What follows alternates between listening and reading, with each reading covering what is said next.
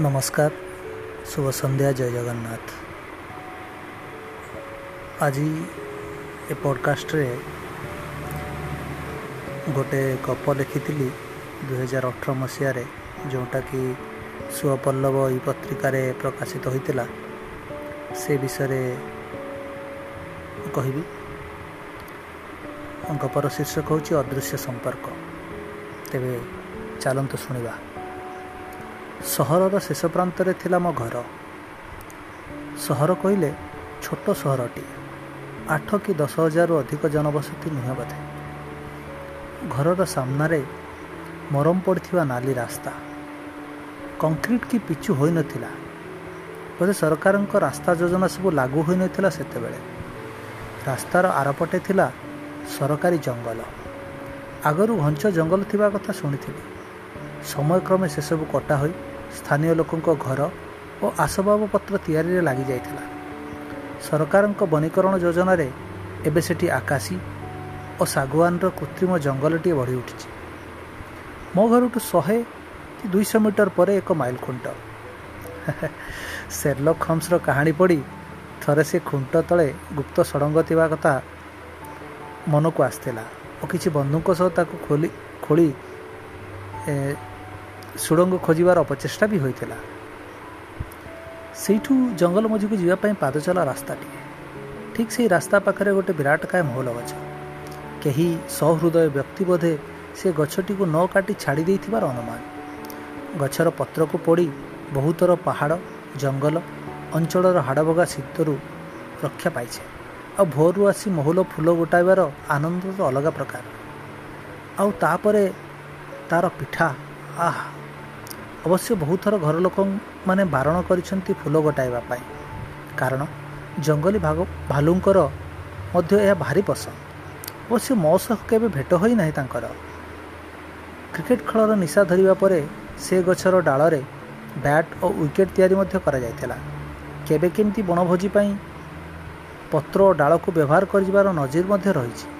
ମୋଟାମୋଟି କହିଲେ ସେ ଗଛ ସହ ଏକ ପ୍ରକାର ଆତ୍ମୀୟତାର ସମ୍ପର୍କ ଗଢ଼ି ଉଠିଥିଲା। ଦିନେ ଜଣେ ସାଙ୍ଗ ତା ବଡ଼ ଭାଇଙ୍କୁ କୋଦାଳ କୁରାଡ଼ି ଧରି ରାସ୍ତାରେ ଯିବାର ଦେଖି କାରଣ ପଚାରିଲେ। ଉତ୍ତର ଥିଲା ଜଙ୍ଗଲ ରାସ୍ତାର ସେଇ ଗଛ ପାଖରେ କିଛି ଜାଗା ସେମାନେ ଅକ୍ତିଆରକୁ ନେଇ ସେଠି ନିଜ ଘର ତିଆରି କରିବେ। ଆଶ୍ଚର୍ଯ୍ୟ ହୋଇ ତାଙ୍କ ସାହସିକ କାମରେ ଯୋଗ ଦେଇଥିଲେ ଅବଶ୍ୟ। ମାଟି ଖୋଳି କିଛି ଜାଗାରେ କଳମ ଡାଙ୍ଗରେ ବାଡ଼ି ତିଆରି କରି ଯଥାଶୀଘ୍ର ଜାଗାକୁ ଘେରାଉ କରିଥିଲେ। ସମୟକ୍ରମେ ଇଟା କାନ୍ଥ ଓ ଟାଇଲି ଛପର ଘରଟି ମଧ୍ୟ ଗଢ଼ି ଉଠିଥିଲା ସେ ଜାଗାରେ। ସମୟ ସହ ସେ ଗଛ ସହ ଏକ ଭାବର ସମ୍ପର୍କ ବି ଗଢ଼ି ଉଠିଥିଲା। କିନ୍ତୁ କାହାଣୀରେ ଏକ ମୋଡ଼ ଆସିଲା ଯେତେବେଳେ ସେ ଘରର ପ୍ରତିଷ୍ଠା ଉତ୍ସବ ପାଇଁ ସାଙ୍ଗର ବାପା ସେ ଅଞ୍ଚଳରେ ଜଣେ ବିଖ୍ୟାତ ତାନ୍ତ୍ରିକକୁ ନିମନ୍ତ୍ରଣ କରିଥିଲେ। ଅଳ୍ପ ଉଚ୍ଚତା ଓ ବଡ଼ ବଡ଼ ଆଖି ବିଶିଷ୍ଟ ସେ ମହାଶୟଙ୍କ ଘର ଅଗଣାକୁ ପ୍ରବେଶ କରି ପ୍ରଥମ ବାକ୍ୟ ଉଚ୍ଚାରଣ କରିଥିଲେ ସାବଧାନ ସେ ଗଛରେ ଗୋଟେ ଆତ୍ମା ଅଛି। ପ୍ରଥମ ଥର ପାଇଁ ଏମିତି କିଛି ଶୁଣୁଥିବା ମୁଁ ଓ ମୋ ବୟସର ଅନ୍ୟ ପିଲାଙ୍କ ମନରେ ଅନେକ ପ୍ରଶ୍ନ ଗଢ଼ି ଉଠିଥିଲା। ତାପରେ ଖେଳର ସମୟ କମି ଏ ବିଷୟରେ କାହାଣୀ ଆରମ୍ଭ ହେଲା। ଘର ଲୋକଙ୍କ ତାଗିଦ ପରେ ସନ୍ଧ୍ୟା ପରେ ଗଛ ରାସ୍ତାରେ ଯିବା ପାଖାପାଖି ବନ୍ଦ ହୋଇଯାଇଥିଲା। ମୋ ଠାରୁ ବଡ଼ କିଛି ସାହସୀ ପିଲା ଯେଉଁମାନେ ଖେଳ ସରିଲା ପରେ ସନ୍ଧ୍ୟାରେ ନିତ୍ୟକର୍ମ ପାଇଁ ଜଙ୍ଗଲ ମଧ୍ୟକୁ ଯାଉଥିଲେ ତାହା ମଧ୍ୟ ବନ୍ଦ କରିଦେଲେ। କିଛି ଦିନ ପରେ ତାନ୍ତ୍ରିକ ମହାଶୟ ଗଛଟିକୁ କାଟିବା ପାଇଁ ଶୁଭ ଦିନଟିଏ ମଧ୍ୟ ନିର୍ଘଣ୍ଟ କରିଦେଲେ। ହେଲେ ଆମ ବୟସର କିଛି ପିଲା ଓ ବୟସ୍କ ବ୍ୟକ୍ତି ଏଥିରେ ସହମତ ହୋଇନଥିଲେ। କାରଣ ଏପର୍ଯ୍ୟନ୍ତ ସେମିତି କୌଣସି ଅଘଟଣ ଘଟିନଥିଲା। ହେଲେ ଗଛ ପାଖର ଘର ମାଲିକଙ୍କ ଜିଦ୍ ଆଗରେ ସମସ୍ତେ ନରମ ପଡ଼ିଯାଇଥିଲା ଅବଶ୍ୟ। ଆମ ପଡ଼ିଶା ଘରର ଝିଅ ଜଣେ ଦଶମ ଶ୍ରେଣୀ ପରୀକ୍ଷା ପାଇଁ ପ୍ରସ୍ତୁତ ହେଉଥିଲେ। ଭଲ ପାଠପଢ଼ା ପାଇଁ ସମସ୍ତେ ତାଙ୍କ ଉଦାହରଣ ଦେଉଥିଲେ। କିନ୍ତୁ ହଠାତ୍ ଦିନେ ରାତିରେ ତାଙ୍କ ଘର ଉପରକୁ ଟେକାପଥର ବୃଷ୍ଟି ହେବାର କଥା ତା ପରଦିନ ସକାଳୁ ଜଣାପଡ଼ିଲା ପରେ ଆମ ଅଞ୍ଚଳରେ ଏକ ଭୟର ବାତାବରଣ ସୃଷ୍ଟି ହୋଇଯାଇଥିଲା। ଏକଥାକୁ ଆହୁରି ଚାଞ୍ଚଲ୍ୟକର ଭାବେ ପରିବେଷଣ କରିଥିଲେ ସେ ଗଛ ମୂଳର ଘରର ମାଲିକ। ସେ କେଉଁଠି ଏକ ନରଖପୁରୀ କିଛି ସିନ୍ଦୁର ଓ ଚାଉଳରେ ଗଢ଼ା ହେଇଥିବା କିଛି ଗାର ଆବିଷ୍କାର କରିଥିଲେ ଗଛ ପାଖ ତିନି ଛକରେ। ଅବଶ୍ୟ ଏ ଘଟଣା ପରେ ସେ ପଡ଼ୋଶୀ ଝିଅର ବ୍ୟବହାରରେ ପରିବର୍ତ୍ତନ ଆସିଥିବା କଥା ଘର ଲୋକଙ୍କ ଆଲୋଚନା କରିବାର ଶୁଣିଥିଲି। ମୋ ଟ୍ୟୁସନ୍ ଯିବାର ରାସ୍ତା ଅବଶ୍ୟ ଅଲଗା ଥିଲା। ହେଲେ ସେ ରାସ୍ତାରେ ଜଣେ ଶୁଖୁଆ ବିକ୍ରେତାଙ୍କ ଘର ଆଉ ତାଙ୍କ ପାଳିତ ଦୁଇ ଶ୍ୟାମବର୍ଣ୍ଣର କୁକୁର ଶୁଖୁଆର ଗନ୍ଧ ଓ ଏ ଦୁଇ ଜନ୍ତୁଙ୍କ ଡର ପାଇଁ ମୁଁ ପ୍ରାୟତଃ ଅଧ କିଲୋମିଟର ବୁଲାଣି ରାସ୍ତା ମାନେ ସେହି ଗଛ ରାସ୍ତା ହିଁ ଆପଣେଇଥିଲି। ବୋଧେ ଅଦୃଶ୍ୟ ଆତ୍ମାଠାରୁ ସଦୃଶ୍ୟ ଜୀବାତ୍ମାଙ୍କ ଡର ମୋତେ ବେଶୀ ଲାଗୁଥିଲା। ସରସ୍ୱତୀ ପୂଜାରେ ଟ୍ୟୁସନର ସାଜସଜ୍ଜା ଦାୟିତ୍ୱ ମୋ ଉପରେ ପଡ଼ିଥିଲା। ସନ୍ଧ୍ୟା ପୂର୍ବରୁ ସାରି ଘରକୁ ଫେରିବା ମୋ ଇଚ୍ଛା ଥିଲା କିନ୍ତୁ ସରୁ ସରୁ ରାତି ନଅ। ଘରକୁ ଫେରିବି କି ନାହିଁ ଚିନ୍ତାରେ ନେଲି ଏକ ସାହସିକ ପଦକ୍ଷେପ। ମନରେ ଡର କିନ୍ତୁ ଘରକୁ ଫେରିବା ନିଶ୍ଚିତ। କାରଣ ଘର ଲୋକଙ୍କ ବ୍ୟସ୍ତତା ଓ ତା ପରଦିନ ଶୀଘ୍ର ଉଠି ପୂଜାରେ ଅଂଶଗ୍ରହଣ କରିବାର ଅଦମ୍ୟ ଇଚ୍ଛା ସାମ୍ନାରେ ସେ ଗଛ କଥା ନ ଭାବି ଆରମ୍ଭ କରିଥିଲି ଚାଲିବା। କିଛି ଶହ ମିଟର ପୂର୍ବରୁ ଏକ ଘଞ୍ଚ ବାଉଁଶ ବୁଦା ତା ମୂଳରେ ଏକ ବିଦ୍ୟୁତ୍ ଖୁଣ୍ଟ। ସେଥିରେ ଲାଗିଥିବା ନିଅନ୍ ଲାଇଟ୍ଟି ହଲିଯାଇ କେତେବେଳେ ଜଳୁଥିଲା ତ କେବେ ବନ୍ଦ ହୋଇଯାଉଥିଲା। ସେ ପର୍ଯ୍ୟନ୍ତ କୌଣସି ପ୍ରକାର ପହଞ୍ଚି ଯାଇଥିଲି।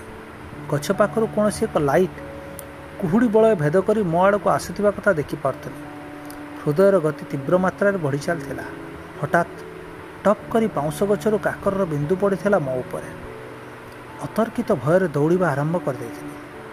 ତାପରେ କ'ଣ ହେଲା ଜଣାନଥିଲା ଚେତା ଫେରିଲା ପରେ ବାପାଙ୍କ ପ୍ରଶ୍ନ କ'ଣ ହେଲା? ତୋତେ ଡେରି ହେବାର ଦେଖି ମୁଁ ଟର୍ଚ୍ଚ ଧରି ତୋତେ ଖୋଜିବାକୁ ଯାଇଥିଲି। ଏତ ଶୀତରେ ତୋ ଦେହରୁ ଝାଳ ବାହାରୁଛି ଡରିଗଲୁ ନା କ'ଣ? ତା ପରଦିନ ସକାଳୁ ତିନି ଚାରି ଜଣ ଗଛ କଟାଳି ସେ ଗଛକୁ ଧରାଶାୟୀ କରିଦେଇଥିଲେ। ବାପା ଓ ସେ ମାଲିକଙ୍କୁ କହିବା କଥା ଯେ ସେ ଗଛ ପାଇଁ ମୁଁ ଡରି ଯାଇଥିଲି ତେଣୁ ଗଛ କାଟିବାର ନିଷ୍ପତ୍ତି ଥିଲା ଅଟଳ। ମନ ଦୁଃଖ କ୍ଷୋଭରେ ଭରି ଯାଇଥିଲା ଯେ ଯେଉଁ ଗଛ ସହ ସମ୍ପର୍କ ଅତି ନିବିଡ଼ ଥିଲା ସେ ଆଜି ମୋହରି ପାଇଁ ଭୁଲୁଣ୍ଠିତ। ଏ ଘଟଣା ପରେ ଉଚ୍ଚଶିକ୍ଷା ପାଇଁ ସହର ଛାଡ଼ି ବାହାରକୁ ଆସିଥିଲି। ଆଉ ତାପରେ କେବେ କେମିତି ସହରକୁ ଗଲେ ସେ ରାସ୍ତାରେ ଯିବାର ଇଚ୍ଛା ଜାହିର କରିନଥିଲି। କିନ୍ତୁ କିଛି ବର୍ଷ ତଳେ କୌଣସି ଏକ କାରଣବଶତଃ ସେ ରାସ୍ତାରେ ଯିବା ସମୟରେ ଗାଡ଼ିର କାଚ ଖୋଲି ଦେଖିଥିଲି। ସେହି ସ୍ଥାନରେ କେହି ଜଣେ ସହୃଦୟ ବ୍ୟକ୍ତି ବର ଅସ୍ୱସ୍ଥ ଗଛର ଚାରା ରୋପଣ କରିଛନ୍ତି ଏବଂ ପ୍ରଥମ ବର୍ଷର ଆଗମନରେ ନବପଲ୍ଲବ ଅଙ୍କୁରିତ ହୋଇଥିବାର ଦେଖି ଦୀର୍ଘ ନିଶ୍ୱାସ ଛାଡ଼ିଥିଲି ଧନ୍ୟବାଦ।